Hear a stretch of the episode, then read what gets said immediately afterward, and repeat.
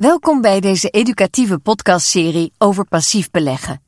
In negen afleveringen vertellen we alles wat u moet weten over passief beleggen. Van de verschillen tussen actieve en passieve beleggers tot het handelen op de beurs. Dit is deel 9. De psychologie van passief beleggen.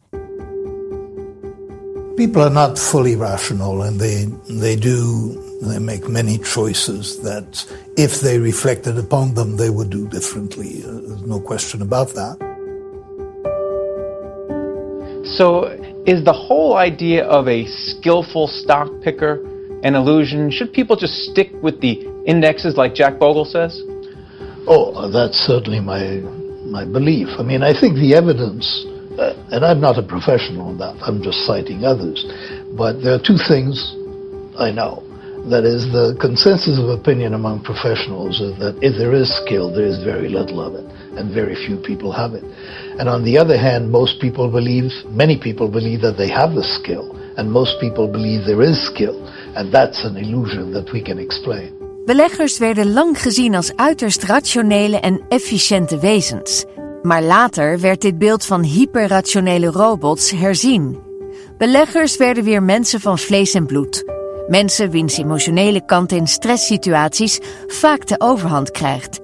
Helaas, want op de beurs zal een emotionele belegger zijn fouten cash betalen. Beleggen met ETF's helpt dit soort vergissingen te voorkomen. In de economische wetenschappen werd de mens traditioneel beschreven als een homo economicus die doet er alles aan om zijn behoeftes op een zo rationeel mogelijke manier te bevredigen. De filosoof John Stuart Mill beschreef dit mensbeeld in 1836 als eerste. A being who desires to possess wealth and who is capable of judging the comparative efficacy of means for obtaining that end. Een belegger maakt dus enkel keuzes op basis van logica en feiten. Hij verzamelt alle nieuws en data. Op basis daarvan maakt hij de meest logische keuzes om zijn doel te bereiken. Beleggen draait dus om cijfers, koersgrafieken en wiskundige berekeningen. Emoties en denkfouten spelen geen rol. Dit verklaart niet waarom er op de beurs zeepbellen ontstaan die leiden tot een crash. Denk maar aan de dotcom-crash en de financiële crisis. People know, I think, that there, there has been a problem with standard economics and with standard finance, that it hasn't predicted some major events. Het verhaal van de grote fysicus Isaac Newton is hier illustratief. Newton wordt gezien als de vader van de moderne fysica. Hij staat met stip bovenaan in ranglijstjes van de slimste mensen ooit. Newton was bovendien ook actief als belegger. Er kan toch geen beter voorbeeld zijn van een strikt rationele homo economicus? Helaas voor Newton bleek dit niet het geval. Net als vele anderen belegde hij in aandelen van de South Sea Company. Dat bedrijf was een echt hype-aandeel avant la lettre. Maar het bleek uiteindelijk een lege doos te zijn. Newton kocht eerst aandelen en verkocht ze met winst. Maar toen hij zag dat het aandeel bleef stijgen, kon hij de verleiding niet weerstaan om de massa te volgen en weer in te stappen. Niet veel later barstte de bubbel en verloor Newton een smak geld. Dat zou bij Newton de volgende gevleugelde uitspraak ontlokt hebben. I can calculate the motions of the heavenly stars, but not the madness of people. De uitspraak van Newton wijst op het belang van emoties bij beleggen. Een aspect dat niet onderschreven werd in de traditionele economische visie van de Homo economicus. Als reactie hierop ontstond in de jaren 80 van de vorige eeuw het vakgebied van de behavioral finance. Onderzoekers begonnen systematisch het gedrag en de emoties van beleggers te analyseren. Daarbij werden inzichten uit de psychologie gebruikt. And so there is an opening for behavioral economics. And And the psychology of decision making has been very active in the last few decades. So you have this, you know, a torrent of books on thinking. Behavioral finance zag beleggers niet als perfect rationele rekenmachines. De belegger is een mens met emoties die leiden tot vooroordelen, biases en denkfouten. Niet enkel cijfers en logica bepalen koersen en waarderingen, menselijke emoties spelen een even grote rol. Elke belegger moet dus voldoende psychologisch inzicht hebben om zijn emoties en denkfouten onder controle te houden. ETF's zijn beursgenoteerde fondsen die bestaan uit een mandje aandelen of een andere beleggingscategorie die een index volgen. Ze zijn nuttig om de impact van emoties en denkfouten te verkleinen. Even samenvatten.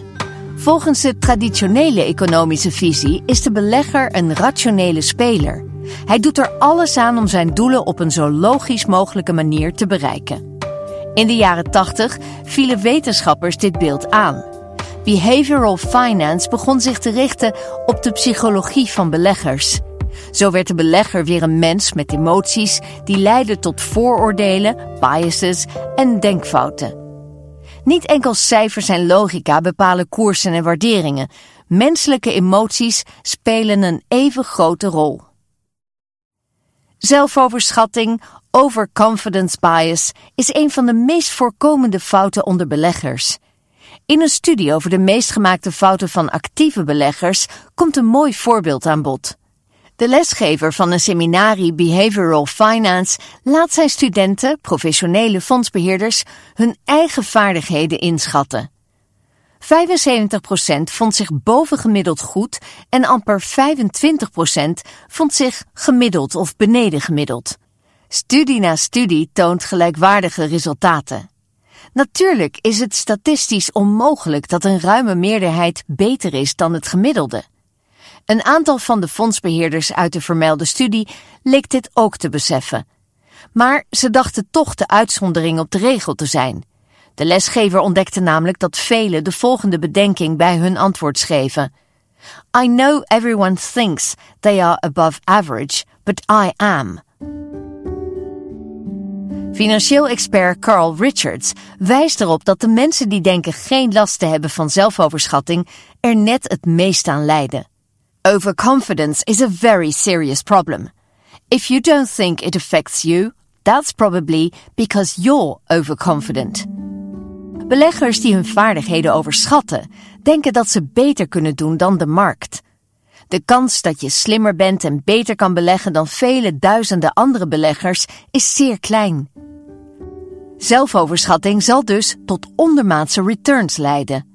Of zoals Daniel Kahneman, een van de grondleggers van behavioral finance, het zei: We hebben als mens de neiging te overschatten hoeveel we begrijpen van de wereld. Tegelijk onderschatten we de rol van geluk.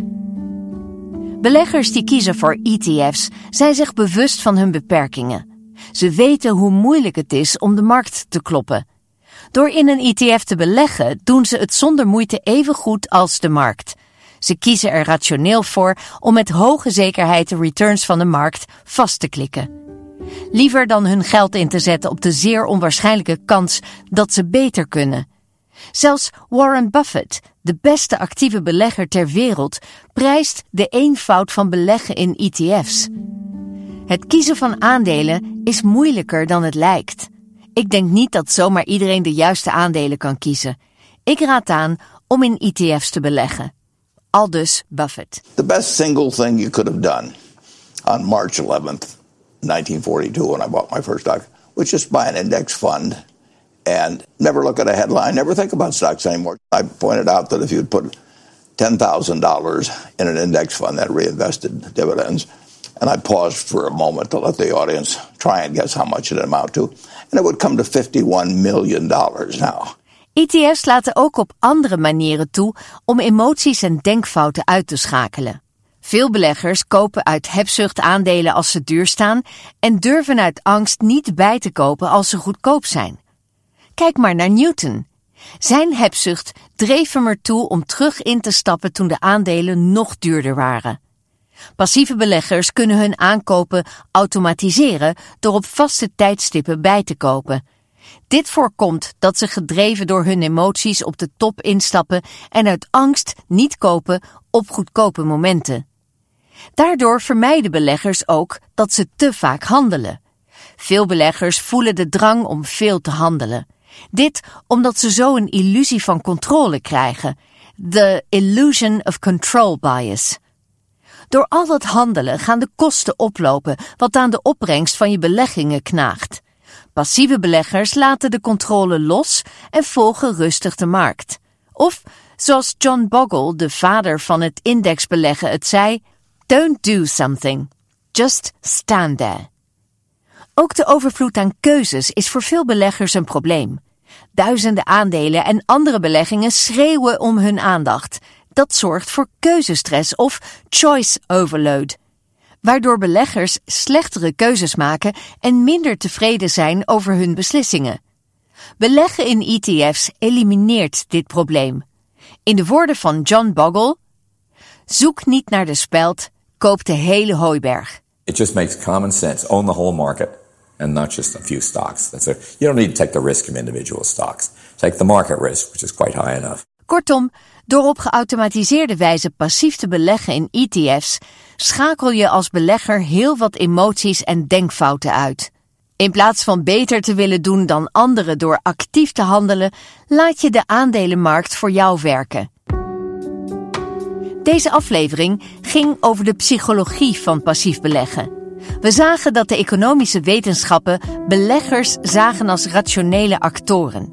De beruchte Homo economicus die er alles aan doet om zijn doelen zo logisch en efficiënt mogelijk te bereiken.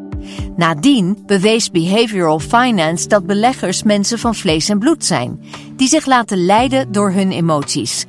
Daardoor maken ze irrationele fouten waar hun beleggingen onder lijden.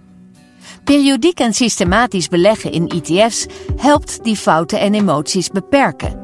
Passieve beleggers zijn zich bewust van hun beperkingen. Ze kiezen er bewust voor om eenvoudigweg de returns van de markt vast te klikken. Liever dan in te zetten op de zeer kleine kans dat beter kunnen doen dan vele andere beleggers die de markt vormen. De volgende aflevering van deze podcastserie gaat over. Wilt u de belangrijkste begrippen rustig nalezen? Lees dan het artikel Passief beleggen voorkomt emotionele fouten op investmentofficer.nl/slash ETF-academy. Deze aflevering werd u aangeboden door Invesco. Disclaimer. De waarde van beleggingen en de eventuele inkomsten daaruit zullen schommelen. Dit kan gedeeltelijk het gevolg zijn van veranderingen in de wisselkoersen. Het is mogelijk dat beleggers niet het volledige geïnvesteerde bedrag terugkrijgen. Deze podcast is uitsluitend bedoeld ter bespreking en is uitsluitend bestemd voor professionele beleggers in België, Luxemburg en Nederland. Het is niet bedoeld als een aanbeveling om een bepaalde activa-klasse, effect of strategie te kopen of te verkopen. Regelgevende vereisten die onpartijdigheid van aanbevelingen voor beleggingen of beleggingsstrategieën vereisen, zijn derhalve niet van toepassing, evenmin als een verbod om te handelen voor publicatie. Waar individuen of het bedrijf meningen hebben geuit, zijn deze gebaseerd op de huidige marktomstandigheden. Kunnen deze verschillen van die van andere beleggingsprofessionals en zijn deze onderhevig aan verandering zonder voorafgaande kennisgeving.